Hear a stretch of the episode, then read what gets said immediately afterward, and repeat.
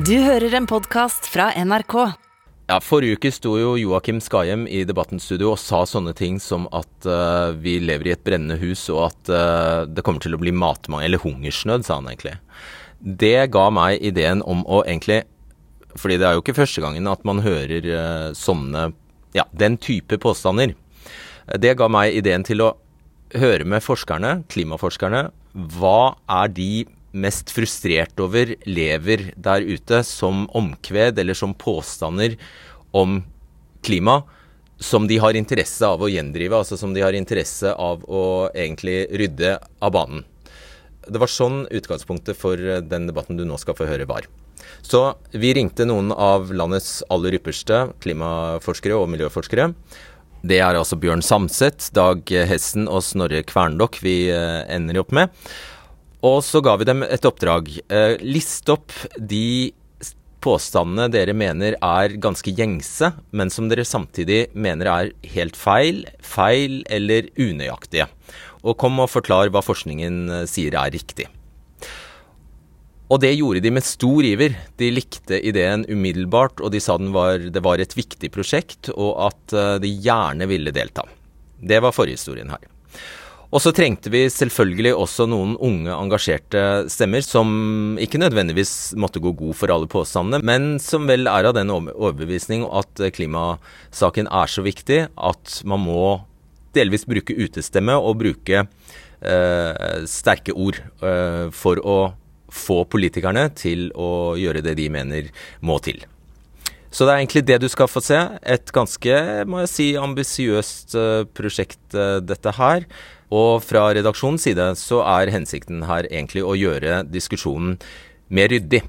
At man starter på et uh, likere utgangspunkt, fordi dette klimadebatten er utrolig polarisert.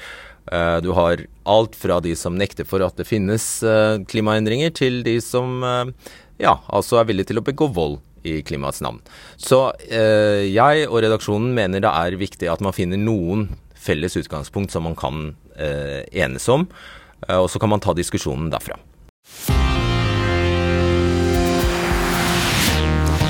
I 2006 sa tidligere visepresident i USA Al Gore at verden hadde ti år på seg for å unngå irreversible klimaendringer. Og året etter fikk han Nobels fredspris.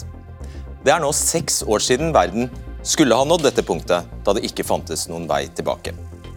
På årets klimatoppmøte i Egypt sa FNs generalsekretær at vi nå raskt nærmer oss dette vippepunktet, da vi får et irreversibelt klimakaos, som han sa. Vi er i vårt livskamp, og vi taper, sa Guterres. We are on a highway to climate hell with our foot still on. It is either a climate solidarity pact or a collective suicide pact. Og I dette studio sto klimaaktivist Joakim Skahjem for bare en uke siden og sa at vi bor i et brennende hus, at folk dør og at vi er i ferd med å få massesult i Norge, sa han. Og Om de fleste ikke er like radikale som Skahjem, så er det mange som nærer en dyp frykt for klimaendringene.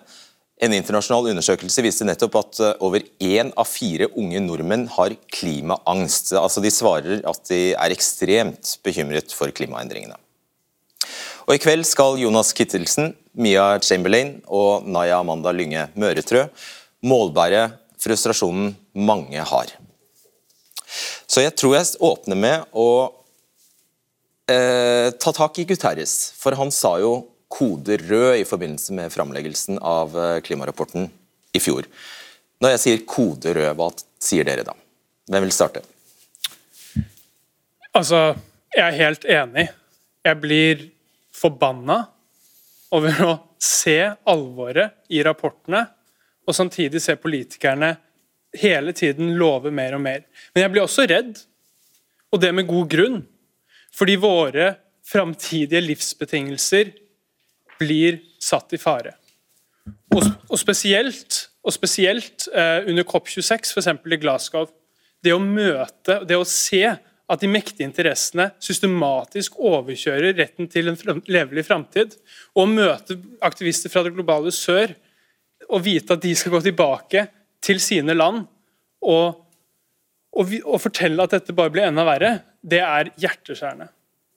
Og COP, det er altså klimatoppmøtene. Uh, Mia Chamberlain, hva sier du hvis jeg sier kode rød? Jeg sier at jeg er enig i at det er en passende beskrivelse av den situasjonen vi er i nå. Uh, og så er jeg uh, i, på samme måte som Jonas redd og be bekymret for den, den, krisen vi står overfor. Men så er jeg også glad for at Guterres bruker sin stemme og sin posisjon til å rope varsko om en situasjon som jeg håper vi kan ta hånd om. Og at han bruker utestemme. Det er du glad for? Ja. Eh, skal jeg bare, før vi går videre, Du Jonas, du er aktivist i Extinction Rebellion Ung. Og du Mia, du er en av seks klimaaktivister som faktisk har stevnet Norge inn for Den europeiske menneskerettighetsdomstolen i eh, Strasbourg, og så er du i tillegg medlem i eh, Natur og Ungdom. Og så kommer vi til deg, da, Naya Amanda Lynge Møretrø. Du er leder i Changemaker Norge. Kode rød, hva sier det deg? Det sier meg at det er sannheten. Og det er sannheten for veldig mange mennesker allerede i dag, men de er langt unna oss. Så jeg tenker at det er veldig godt at noen sier den sannheten ut. Og at hvis vi fortsetter i det tempoet vi gjør, så kommer det til å være sannheten for veldig mange flere. Og det er veldig alvorlig, og det gjør meg sint. I den eh, samme undersøkelsen som jeg viste til i sted, som forskning.no eh, har skrevet om, så sier eh, forskerne også at klimaangsten først og fremst kommer som følge av informasjon fra mediene. Og Derfor har vi plukket ut et knippe påstander om klimaendringene som er ganske vanlig å se i mediene, og som jeg er eh, sikker på at eh, du har hørt eller lest i en eller annen form. Så Vi starter med påstand én. Den er tatt fra Guterres. Hvis vi ikke når 1,5 2-gradersmålet, er vi på vei, full vei mot eh, klimahelvete. Hvem er, hvem er enig i det? Altså Det er veldig vanskelig å spå framtiden. Men det vi kan si noe om, er hvordan verden ser ut ved 1,1 grader. Og det er at en tredjedel står under vann i Pakistan. Det er at hetebølger i Storbritannia har nådd over 40 grader, og regnsesongen i det afrikanske horn er, har ikke uteblitt på fire år. Det kan vi si noe om, og det er et klimahelvete å være der for dem. Og alle piler peker på at vi går langt over 1,5 også, eh, og det vil bli mye verre eh, for veldig mange. og Da kan ikke vi i Norge si, dysse det ned og si at ikke, det er en overdrivelse når det er en levd realitet for så mange mennesker allerede i dag. Kommer tilbake til, eh, til den påstanden der. Nummer to her. Klimaendringene fører oss til et vippepunkt for oppvarming. Det handler om havstigning, havstrømmer som Golfstrømmen osv. Og, så og klimaendringene vil bli selvforsterkende. Eh, hvem er enig i det? Mia? Ja, det er jeg enig i. Eh, når isen smelter, så stiger havnivået. og det er utrolig skremmende. Bare se på Pakistan, som har slitt under eh, enorme flommer, hvor en tredjedel av landet lå under vann. Det er jo sånne typer bilder man, eh, man ser når eh, havnivået stiger også. På sand 3, Planeten tåler bare en viss mengde klimaendring og artsnedgang, og går derfor over i en annen tilstand. Verden vil bli ubeboelig. Deler av verden vil bli ubeboelig, ja. Og det er allerede millioner som flykter fra klimaendringer. På Sam 4 68% av alle arter kommer til å være utryddet i løpet av 50 år. Er dere alle enige om det? Vil du prøve deg? Ah, ja. Det tallet det vet jeg ikke helt hvor kommer fra, så akkurat det kan jeg ikke eh, si noe om. Men jeg vet at med den oppvarminga og de klimaendringene vi driver nå, så er eh, det biologiske mangfoldet på jorda veldig trua. Det, det, vi vet, er at 69% av alle arter har hatt en nedgang. Eh, og vi er også i en naturkrise, det er ikke bare en klimakrise. Og de står i et skjebnefellesskap der man kan ikke bare se på klima, man må også se på natur.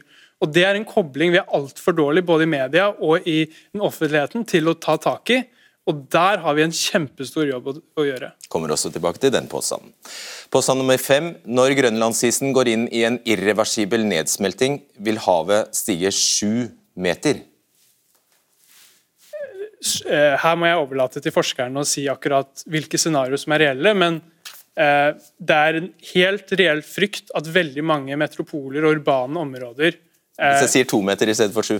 Det må forskerne eh, liksom si hvilke scenarioer som er mest eh, realistiske. Men det er skadene som skjer som følge av det? Du, du skaden, skadene som skjer ved to meter vil jo være enormt, når man vet at så mange store metropoler ligger eh, ved eh, vannivå. Mm, Uh, neste påstand. Klimaendringene og naturkrisen vil forsterke hverandre, egentlig som Jonas sier her, uh, slik at naturen kollapser og vi mister all evne til å dyrke mat, hente ut ressurser osv. Uh, ja. ja. Naturen ja. er jo Sorry. Naturen er jo Det er jo jorda vi lever på. Vi har bare én jord, og det er den naturen eh, som vi lever i, og som vi får alle våre ressurser fra. Hvis ikke vi tar vare på den, så har vi et utrolig stort problem. Og så er det jo et massivt problem med nedbygging av spesielt matjord for å bygge store motorveier, for å bygge tredje rullebane på Gardermoen. Så det er absolutt en, eh, et reelt problem. Og så er den andre delen av det at klimaendringene i seg selv vil gjøre mye eh, matproduksjon eh, umulig pga. tørke. Neste påstand. Det skjer lite eller nesten ingenting i klimapolitikken.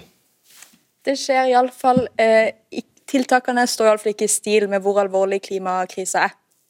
Men heldigvis så får vi jo til å, å, vinne mange kamper. Bare i Norge så har vi greid å stoppe flere oljeprosjekter, og det tror jeg mange av oss som står her er veldig interessert i å fortsette med. Så tar vi siste påstand. Å kutte utslippene for å nå klimamålene vil bli veldig dyrt. Det hører vi ofte. Ja, altså det, det, er dyrt, men eh, det som er enda dyrere, er jo å Altså uansett så må vi jo gjøre disse tiltakene. Og det som blir veldig, veldig dyrt, er hvis vi venter enda lenger med å gjøre det. I denne diskusjonen er det mange som mener mye, bl.a. om FN-sjefens uttalelse om at vi er på vei mot klimahelvete. Og du kan komme med dine argumenter på nrk.no Fredrik Solvang. Mens eh, forskerne kommer inn her og blir med oss resten av eh, sendingen, så skal jeg også ønske velkommen til deg, Christian Palacios eh, Haugestad. Du er stipendiat i klima- og miljøpsykologi ved Universitetet i Oslo. Dette begrepet klimaangst, hvor reell er klimaangst? Jeg tenker Det vi har hørt her i kveld, er en helt legitim og rasjonell frykt for en varslet krise en varslet klimakrise. Eh, og Når vi snakker om angst her, så er ikke det noen klinisk form for angst nødvendigvis? Det stemmer. Eh, når man snakker om angst og bekymring, så er det noen forskjeller der. Eh, hvor klinisk angst ofte blir definert som en uforholdsmessig reaksjon på krav fra omgivelsene. Og når vi snakker om klimaendringer, så er det en helt reell utfordring som vi står overfor. Eh, dermed ikke irrasjonell. Mm. Og du, Det er nettopp dette du forsker på. Du forsker på miljøaktivisme og eh, klimafølelse. Hvordan virker eh, klimatrusselen på de som er engstelige? For de som er engstelige for klimaendringer, så er det en reell virkning. Her i Norge f.eks. Så, så vil det være nærliggende å tenke at dette kan føre til en form for eh, lammelse for noen. Så fysiske utslag på kroppen?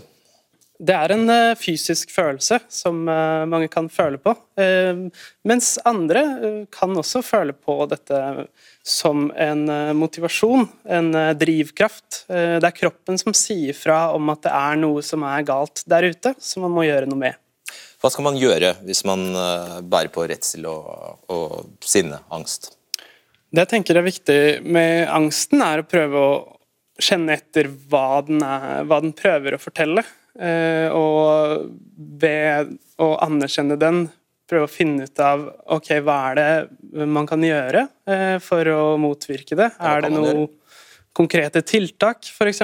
Implementere dem i uh, våre liv. Men også finne sammen med andre som uh, kjenner på dette og organisere seg. Uh, for det er nettopp denne følelsen av fellesskap som er veldig viktig for å takle denne følelsen. Eh, gå sammen om noe og jobbe for det kollektivt. Sånn som de har gjort. Sånn som de har gjort. Takk skal du ha, Kristian Hegstad. Takk for det. Ja, um, Forskningen viser altså at det er vi i media som skaper mye av denne angsten og frykten. Ofte ved at overdrivelser, unøyaktigheter blir spredt videre ved hjelp av alle de virkemidlene som vi i media kan bruke. Og Derfor er det neste som skal skje her, at debatten, som da utgjør en liten flik av norske medier, skal gjøre en innsats for å skille snørrebarter, sortere litt i hva som er sant og usant når det gjelder klima og miljø. Og Til å hjelpe oss med det har vi noen av landets fremste forskere på dette området. Bjørn Samset, Dag O. Hessen og Snorre Kvernok. Og Vi har bedt dere ta stilling eh, til disse påstandene vi gikk gjennom i sted, på en skala fra 1 til 10, der 1 betyr det er usant eller det er ikke i tråd med forskning, og ti, det er sant, det er i tråd med forskning. Skal vi starte med deg, tror jeg, Bjørn eh, Samset. Du er klimaforsker ved Cicero, og du var en av hovedforfatterne på den eh, ja, eh, delrapporten som Guterres omtalte som kode rød. Påstand én er altså hvis vi ikke når 1,5 til 2-gradersmålet, så går, er vi på full vei mot klimahelvete. Hvor vil du Du har da 1 til 10. Jeg setter den ganske lavt, men jeg har lyst til å bare si det først. Altså, jeg tror ikke det er noen som står her i dag som ikke er bekymret for klimaendringene. Klart Jeg er bekymret for, for min egen del, jeg er bekymra for barna mine sin del osv. Så, videre. så det jeg sier nå, det er ikke for å ta ned alvoret i klimaendringene på noen som helst måte. Men når vi nå står overfor noe så seriøst, så er det noe med å ta det for det det er, og ikke for noe sånn stort og udefinert som vi ikke helt vet. Og Ord som klimahelvete, det maler fram så mange bilder at jeg tror det blir så skummelt og, og uhåndterbart at ja, vi vil skape mer frykt enn det, enn det kanskje til og med er, er nødvendig. For se, se hva, hva, forskningen sier. Den kan kort oppsummeres med at jo varmere, jo verre. Vi får høyere risiko for hetebølger, vi får høyere risiko for, for høy uh, havstigning osv. Da blir konsekvensene gradvis verre. og Så har vi satt oss dette her 1,5-2-gradersmålet. Og Det er jo satt som en slags kompromissløsning, for vi vet at vi klarer ikke å stagge klimaendringene over natta. Men vi må stagge dem så fort vi overhodet kan, før det blir uhåndterbart. Og Den grensa er jo nettopp det. Holder vi oss innenfor, så er det i gåseøyne bare dyrt. Vi klarer å, å, håndtere det. Går vi litt over, altså er vi ikke umiddelbart i noe klimahelvete. Vi klarer å håndtere det også lenger unna. Det blir bare progressivt eller bare, igjen da, progressivt verre. Men jeg ønsker virkelig ikke at noen skal lese den rapporten som at går vi så vidt over togradersmålet, så er vi i noe à la Dantes helvete. Og Derfor har du satt en toer. altså Det er nærmere usant enn sant at vi går mot et klimahelvete. Ja. Ja. Og jeg må bare eh, legge til her, ja, her er, det, her er, det, rom for at dere slipper til. Vi har ikke tid til at dere kommenterer absolutt alt vi sier, men vær så god. Jeg kommenterer gjerne dette. Eh, fordi altså, det Guterres sier, er jo at vi er på vei mot et klimahelvete, og jeg er enig i at med de tiltakene som skjer nå i politikken, så er det på et vei mot et klimahelvete for de som må flykte fra hjemmene sine. Sant? For de så er det et klimahelvete. Mm. Eh, og jeg er kanskje uenig i at det er media som skaper eh, klimaangst. For min del, og for veldig mange av de jeg kjenner, så er det politikerne sin tiltaksløshet som gjør det. Og når Antonio Guterres snakker om klimahelvete, så må vi også huske konteksten han sier det i. Han står foran verdens ledere. Han står foran alle de som sitter på et møte, som har mest makt i verden til å gjøre noe med klimakrisen, som ikke gjør i nærheten av nok. Hadde han sagt det på NRK Super, så hadde jeg vært mer skeptisk. Greit. Uh, vi går videre til neste påstand. Det er altså at uh, klimaendringene vil bli selvforsterkende. Nå er det ikke helt innlysende tror jeg, for absolutt alle hva det betyr. Mm. Altså, det er jo en høyst reell problemstilling. Altså, klimaet vårt har vært uh, ganske godt og stabilt helt siden slutten av forrige istid. så Vi har hatt en 10 000-årsperiode til å bygge et veldig stabilt samfunn. Men sett nå at vi varmer opp klimaet et eller annet stykke vi vet ikke helt hvor, eh, hvor langt, så begynner si permafrosten oppe i Sibir og tiner veldig raskt. Da får du råtning av plantematerialet nede i permafrosten. Får du utslipp av metan, som er en veldig kraftig drivhusgass, så blir det da mer oppvarming, og så får du mer tining osv., som er en selvforsterkende effekt. Eller såkalte tippepunkter, som de også, kalles. De er høyst reelle. Det er absolutt en bekymring. Men så må vi gå inn igjen og se på, på forskningen. Hva sier den om den situasjonen vi er i nå? For klart Vi har jo informasjon om målinger for hvordan klimaet har vært tidligere. Vi vet ikke hvor nært vi er disse tersklene, men alt vi har av forskning i dag, tilsier at holder vi oss innafor de temperaturene som vi ser nå, selv med litt pessimistiske øyne på politikken, så får vi ikke de verste av disse Gjør vi ikke? Det var nesten, det var veldig, mm. veldig godt å høre, men du har altså da, ut fra det du sier, så har du satt Ja, du har gitt en firer. altså det er svak telling mot ikke sant. Men dette, tippe, det er jo nettopp tippepunkt du er mest opptatt av, nesten. Ja. Um, altså Bare for å si det, det som gir meg angst og, og sorg, er jo at altså Det er ikke at media snakker om det, eller det å lese forskningen. Mm. Det er jo å se at politikere og myndighetspersoner ikke gjør nok. Mm. Og nettopp disse tippepunktene er jo selvforsterkende. Og når jeg ser en verden i 1,1 grader, og ser, og også kjenner folk i det globale sør, Og Da ønsker jeg å stå i solidaritet med dem. Og Da blir det veldig teknisk å snakke om 1,5, 1,6, 1,7 når det er så ille for så mange milliarder mennesker allerede på 1,1 grader. Mm. Hvis vi bare kan følge opp den bitte litt, altså for klart, Her ligger det jo også en vitenskapelig usikkerhet. Vi regner med at det ikke skjer, men her er det en debatt som vi er nødt til å ha om hvilken risiko aksepterer vi for samfunnet. Aksepterer vi, altså hvis, hvis det er en, selv en minste mulighet for at det finnes et sånt vippepunkt som gjør det ulevelig på lang tid. Nå, nå, nå, tror vi ikke det i dag, men er det den minste sjanse, så er jo det en grunn til at vi absolutt må unngå det. Så og Hvis du trodde det var en sånn sjanse, så hadde du ikke satt en firer her? Da hadde jeg satt den, den høyere, fordi forskningen ja. er nå såpass grundig. Og da, da, jeg ser du, du tripper, Dag O. Helsen, for dette er jo ditt gebet. Eh, eh, du er professor ved Institutt for biovitenskap ved Universitetet i Oslo. Vil du bare legge til en kommentar her om tippepunkt? Ja, nei, altså At dette er selvforsterkende i betydelig grad, er åpenbart etter mitt skjønn. Og så er det jo et, altså En selvforsterkende effekt behøver ikke å bety at man ender opp i et vippepunkt, men som Bjørn sier, altså dette med opptinning av perma permafrosten, som jo er i gang. Ikke kommet veldig langt ennå, men, men det har begynt. Eh, det er jo en eksempel på at da får man eh, mer klimagasser opp i atmosfæren. Det blir varmere, mer permafrost tiner, og det er en klassisk sånn uh, selvforsterkende tilbakekobling. Hvis, skulle, hvis, Amazonas skulle nå et vippepunkt, som er en reell fare, ikke riktig ennå, men senere, så vil jo CO2 som er lagret som karbon i skogen, gå opp, og det vil jo igjen forsterke. Når havet blir varmere og surere, så vil igjen det ja, Det er mange av den type selvforsterkende mekanismer som i verste fall da kan føre oss over. Da tror jeg vi skjønner hva selvforsterkende eh, effekt betyr, betyr. Jeg skal bare prøve å svare så kort og enkelt som mulig. fordi selv, Vi har selvforsterkende, men så bruker vi også ordet irreversibelt veldig ofte her. Uh, og De trenger ikke nødvendigvis å henge sammen. Men det du, det du forklarer om permafrosten, f.eks. Eh, hvis det blir selvforsterkende, mm. må det nødvendigvis være irreversibelt, altså at det aldri kan gå, gå tilbake. Får vi først den tidningen av permafrosten, så får vi ikke det plantematerialet tilbake. Jeg pleier litt flåsete å si at eneste, mål, eneste muligheten vi har da, er, er å asfaltere over Sibir. Ok, ja. så, så, enkelt er det svaret. Ja. Greit. Da eh, En ny påstand eh, her, og det er planeten tåler bare en viss mengde klimaendring, og derfor går vi ja, over i en annen tilstand, nærmest. Jorda blir ubeboelig. Det gjør den ikke. Det gjør den, ikke. den kan bli veldig vanskelig for vårt samfunn per i dag, men ubeboelig planet, det får vi ikke. Um, en ener har du gitt det. Nettopp. Det er, det er usant, bare. Ja, men det er ikke dermed sagt at det blir veldig godt for det samfunnet vi har. Hvis vi hadde kommet inn og landet som utenomjordiske skapninger på denne planeten, en tilstand hvor den var 3-4 grader varmere enn i dag, så skulle vi fortsatt ha greid å bygge et samfunn her. Men svarer du nå på vegne av de som bor på Maldivene, liksom? Nei. ikke sant? Det, for det finnes områder, definitivt. så det, det, det, det er noe med å si altså Planeten blir ubeboelig, det gjør den ikke. Men vi finnes jo allerede områder i dag hvor vi absolutt ikke bor midten av Sahara f.eks. Den opplagt, den typen områder kan absolutt spre seg, og kan spre seg inn i områder hvor det i dag bor veldig mange mennesker. Mm. Som jo definitivt er et problem. Det er vi helt enig i. Og det, Folkeforflytningen tror jeg, tror, tror jeg dere er enige om alle sammen at vil finne sted, men da er deres poeng at det vil ta det vil ta lang tid, så folk rekker å flytte, flytte for å sette på spissen. Ja, og det er også, bare for å si en siste ting der, det er også ikke så mye av det innenfor hvis vi klarer å holde oss til 2,5-gradersmålet, eller til og med litt over. Nettopp. Kort kommentar fra noen her? Det er vel ja. ja. Nei, unnskyld. du skal. Ja, det... Uh bare fordi at ikke jorda blir helt ubeboelig, så betyr jo ikke at det er en verden jeg har lyst til å, å, leve i. Det er to veldig forskjellige ting. Og for de som opplever de klimaendringene, så vil dette være veldig veldig alvorlig. Det kan skape stor sosialt kaos i verden.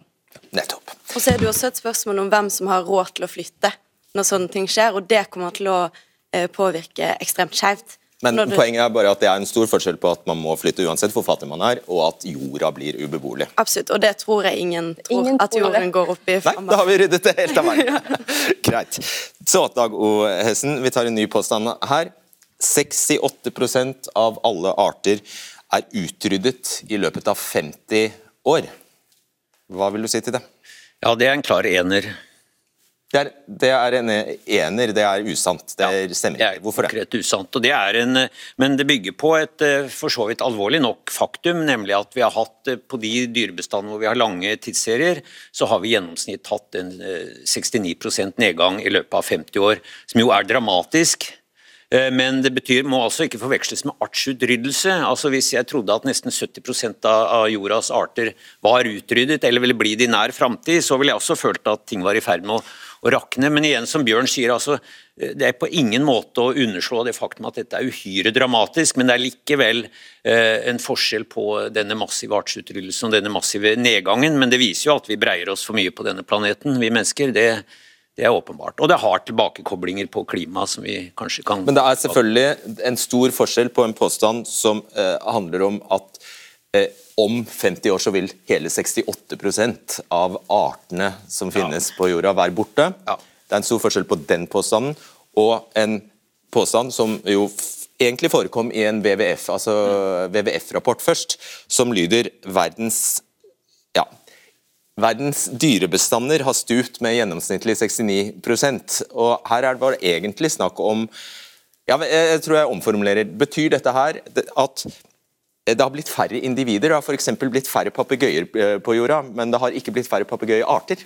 Nei, riktig. Det er nok sannsynligvis blitt færre arter òg, men eh, det tallet er marginalt i forhold til den nedgangen vi ser, enten det er papegøyer eller andre arter. Noen har jo faktisk økt, da, men i snitt så har vi nesten en 70% nedgang. Eh, så, og Det er antall individer, da, eller vekten av, av, disse bestandene, som er noe annet enn artsutryddelse. Så igjen, det er noen sånne fundamentale ting som er viktige, også fordi at det eh, ja, Hvis det sto så dårlig til, så vil det skape en form for apati. Da kan vi jo like gjerne gi opp. Og det samme tenker jeg... Ja, For da en... vi neste, er vi neste, da? liksom? Ja, nettopp. Eller da, da, blir det ulevelig her. Og på samme måte så er det klart at deler av planeten vil bli ubeboelig hvis disse verste scenarioene slår til. men tenker jeg Det er en stor mental forskjell det, fra det å tenke at hele planeten blir ubeboelig, eller at den kollapser. Det er på en måte, Da er det jo point of no return. Det er ikke noe vits å stå her og debattere eller i hele tatt prøve å gjøre noe. Så, så Det er en fundamental forskjell. Er det et utvetydig faktum at vi har færre arter, at det blir stadig færre arter? Det gjør det. så Utryddelsestakten er altfor høy. Det er vanskelig å gi et eksakt tall på det, men det er altså ikke dette tallet her som, som peker på artsutryddelse. Føler du at du fikk rett, eller at du tok feil? Ja, altså Faktum er jo at 69% av art, I løpet av de siste 50 årene så har 69% sett en 69% nedgang i arter. Eh, slik eh, Dag fortalte. I individer i arter. I individer i arter. Ja. Um, og det er jo utrolig alvorlig. For, og det vi må forstå, er at det økologiske fundamentet er det som holder samfunnet vårt oppe. Det er det som livnærer økonomien, det er det som holder sosial tillit. Det er det som holder økonomien vannmangel, eh, matmangel og alle disse tingene. Og Vi må begynne å sette disse økologiske hensynene og erkjenne at vi avhenger av naturen, istedenfor å alltid sette kortsiktig profitt eh, framfor alt annet. Jeg tror at Noe av poenget som Jonas kommer med, som jeg er veldig enig i, er at eh, sant, vi trenger ikke å overdrive for å kommunisere hvor alvorlig denne krisen er, og vi trenger heller ikke å tro at jorden går under for å forstå hvor alvorlig denne krisen er. Det er jo alle vi her et eksempel på. Det er folk som bryr seg om denne krisen og mener at eh, den maner til politisk handling. Ja, jeg er jo helt enig i det. Der tror jeg dere er enig. Ny påstand. Når grønlandsisen går inn i en irreversibel nedsmelting, vil havet stige sju meter. Denne posten er ikke tatt ut av løslufta, den verserer der ute. Nei, så den eh, tror jeg satte tid på. Det er jo en, eh, du sa jo når, eh, det er jo ikke helt gitt at den vil nå en irreversibel Nei, sju satte. Ja, sju satte. ja, men det er vel det er på det første. altså Vi vet jo ikke om den når en irreversibel nedsmelting, men det er en av disse vippepunktene som kan skje. Og Da vil ismassen, volumet av is, tilsvare omtrent sju meter havnivåstigning. Men det er veldig skremmende. Hva? Det er jo kjempeskremmende. Det er ekstremt, ja, for all del. Eh, men det kommer ikke som en flodbølge i morgen. ikke sant? Så Det er det at det tar lang tid, det tar hundrevis, kanskje tusen år før denne ismassen smelter ned. Eh, men det betyr ikke at det ikke er ekstremt alvorlig, men dog ikke livstruende her og nå. da. Så Det er disse små nyansene. Så igjen, da, eh, de som måtte bo ved vannkanten, de rekker å rekker flytte å... på seg før dette skjer. da. Flytte tomtene ja. høyere opp. Men det er klart det vil ramme veldig Eller de som har kjøpt seg fine hus ved Ja, altså det er ikke bare de med hytter ved sjøen, eller vi med hytter ved sjøen, men det er jo mye av verdens matvareproduksjon, mye av de tettest befolkede områdene i verden. Og før disse sju meterne er en realitet, så vil det jo være en, en stigning som pågår over lang tid, så det vil jo antagelig medføre folkeforflytninger av et omfang vi ikke har sett maken til. Nettopp. Snart din tur, Snorre Kverndokk. Siste påstand til deg, Hessen. Bare, eh, klimaendringene og naturkrisen vil forsterke hverandre. slik at naturen kollapser, og at vi mister all evne til å dyrke mat, til å samle inn ressurser osv.? Ja, jeg ville gjerne delt det i tre, for jeg er helt enig i det første, men ikke i det siste. Altså, det, ordet kollaps skal man være litt forsiktig med her. Men at naturkrisen og, klimakrisen forsterker hverandre, er jo åpenbart. nettopp eh, Ikke minst fordi at mm. naturen tar jo hånd om veldig mye av CO2-utslippene våre, over halvparten. Men det er vel egentlig kollaps og ja, mat Ja, vi... så det er klart eh, det vil være dyrkbare områder. Noen vil jo til og med bli mer dyrkbare, i hvert fall i en, en viss temperaturstigning. Eh, og kollaps i matvareproduksjonen vil jo ikke skje, men det vil antagelig skje en nedgang. Det ser vi allerede. Og Derfor har du sagt at det er nærmere usant? Ja, det er fordi at totalsummen av den påstanden blir for meg en toer. Og du er veldig opptatt av matjord, f.eks.? Ja, eh, og jeg tenker jo at eh, noe av det som truer eh, matjorden mest, er jo utbygginger. Og når vi, når vi først snakker om dette her med irreversible endringer, da, så tenker jeg bl.a. på når politikere vedtar å bygge massive firefelts motorveier over matjord. Da er ikke planen å rive opp den motorveien igjen og la det naturmangfoldet der få spire. Så den eller de naturverdiene, de er tapt for alltid. Jeg bare lurer på Når du sier det, når du setter en toer her og sier at uh, nei, det kommer til å, naturen kommer ikke til å kollapse og vi kommer til å ha mat, snakker du, tar du da høyde for at vi nettopp ble åtte milliarder her på jorda, og at det skal være mat til alle? Tar du høyde for det? Eh, vi vil få mer problemer med matvareproduksjon, helt klart. Og en del av verdens store kornkammer i dag vil antagelig tørke ut og bli for varme. Så vil vi kanskje få noen nye. Det vil ha geopolitiske konsekvenser. Kanskje vil Sibir kunne begynne å produsere mer. Så, men totalproduksjon av mat tror jeg vil gå ned. Men derfra til kollaps, da er det for meg absolutt sult. Så når Klimapanelet oppsummerer typer klimarisiko, så er jo nettopp problemet for matsystemet en av de de setter som aller høyest. Mm. klimarisiko, Noe av det vi vil, eh, vil, møte først. Så klart Når vi også skal i gang med klimatilpasning, vi skal redusere den risikoen, så er en forsterkning av verdens matvaresystem og tilpasning til et nytt klima noe av det beste vi kan gjøre aller først. Så Jeg tolker svarene deres som at uh, det trenger ikke nødvendigvis å bli mat nok til alle? Mm. Nei, det tror jeg altså at vi får et eh, matforsyningsproblem, tror jeg er helt åpenbart. Mm. Kort, ja. Ja, eh, og så er det også en FN-rapport som peker på at vi kan få opp mot fem milliarder mennesker som står i fare for vannmangel mm. i 2050. Så det er utrolig viktig å se hvor, høre hvor alvorlig det er. Mm.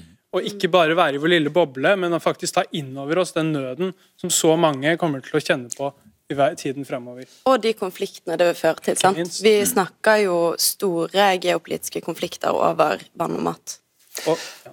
Snorre Kverndok, du er seniorforsker ved Frisch-senteret og har også vært med på å skrive rapporter for FNs klimapanel. Vi tar første påstand til deg. Den lyder det skjer, øh, og dette er et omkved øh, nesten, det skjer lite eller nær sagt ingenting i klimapolitikken. Det hører vi ganske ofte. Hva sier du da? Jeg sier at øh, det er ikke sant. Det som er sant, er at vi er ikke på vei mot halvanngraders- eller togradersmålet. Det skjer ikke nok til å, til, å oppnå, til å nå det. Men det har skjedd veldig mye i klimapolitikken i løpet av si, de siste åtte-ti åra. Uh, IPCCs, FNs klimapanels eh, delrapport på løsninger har, mange, har, en stor oppsummering av hva som har skjedd. Og for så er det sånn at uh, 18 land minst har hatt fallende utslipp over de siste ti åra. Ser vi på våre naboland Sverige og Danmark, så har de jo hatt fallende utslipp over en 30-årsperiode. Til og med USA under Trump har hatt fallende utslipp, selv om det har vært eh, en liten opptur med 2017-2018. Så veldig mange land har hatt fallende utslipp. Eh, også er det sånn at veldig mange land har klimamålsettinger. 90% av alle land i verden har fått klimamålsettinger de siste åra. Og over 130 av de har også null, eh, netto null utslippsmål. Dvs. Si at man skal kompensere utslippene ved å lagre CO2 f.eks. Hvorfor kaller da en kjent skikkelse som Greta Thunberg Hun bruker ord som forræderi om det som skjedde på klimatoppmøtet i Glasgow. Hun sier politikerne bare later som de tar vår framtid på alvor. Hun sier at endring kommer ikke til å komme fra politikerne. Møtet vil ikke lede til noe som helst, osv. osv. Hvorfor, hvis dette er kategorisk usant, Hvorfor, si, hvorfor, går ikke du da for i rette med Greta Thunberg? Altså, poenget er at uh, Det hun mener er at det skjer ikke raskt nok. Uh, og sant, Det skjer mye, men det skjer ikke raskt nok, nok til å nå disse målsettingene. Men, men det, skjer, det har skjedd mye tross alt over en periode på 8-10 år som gjør at vi er på riktig spor, men ikke, det, har ikke, ikke vært politisk vilje nok til å oppnå for å få oss banen banen mot halvannen togradersmålet. Så da, Du sier det er feil at det ikke skjer noen ting. Det skjer faktisk veldig mye, men så legger du til det skjer ikke nok. Er det riktig oppsummert? Og Der tror jeg dere er enige? Ja, det skjer ikke nok. Og der syns jeg vi skal se på selv, eh, altså Norge, som er et land som planlegger eh, oljeboring i Arktis i en tid med klimakrise. Og det er jo bl.a. derfor jeg og flere andre velger å ta Norge til Den europeiske menneskerettighetsdomstolen for å stanse eh, oljeboring i Arktis. Så i Norge så skjer det ikke i nærheten av nok. I tillegg så eh, kom det norske Veritas nettopp med en rapport som viser at eh, Eh, den norske regjeringen de har kun planer om å kutte 25% av våre utslipp innen 2030. Så de målene de blir ikke fulgt opp. Eh, du Merutrø, har jo vært i Egypt, på mm. COP faktisk. Eh, sitter du med den samme følelsen av at det skjer, skjer mye? Eh, nei, det gjør jeg ikke. Det skjer jo altfor lite, og det skjer eh, altfor seint. Eh, og jeg syns det er ganske skummelt når politikerne våre eh, sier at det skjer mye. Eh, når det egentlig ikke gjør det. det er ikke bare politikere, da, det er forskere også. Ja, Fremragende forskere. Men det, ja, men det skjer ikke, ikke, fort nok. Eh, og det er litt vanskelig for meg som eh, er leder av en ungdomsorganisasjon, som skal prøve å engasjere folk med å si engasjer dere i politikk, det nytter. Og så går det så seint, og vi er på vei mot en verden som ikke vi har lyst til å leve i. da. Vi tar siste påstand her, Kverndok. Den lyder å kutte utslippene for å nå klimamålene kommer til å bli veldig dyrt. Det er feil. Det er feil. De fleste økonomiske analyser tyder på at det ikke kommer til å bli dyrt. Ehm, her må vi skille mellom eh, kostnaden ved å kutte utslippene og kostnaden hvis vi ikke kutter utslippene. Og du gir det en ener, så feil er det. Så det er feil. Ja. ja.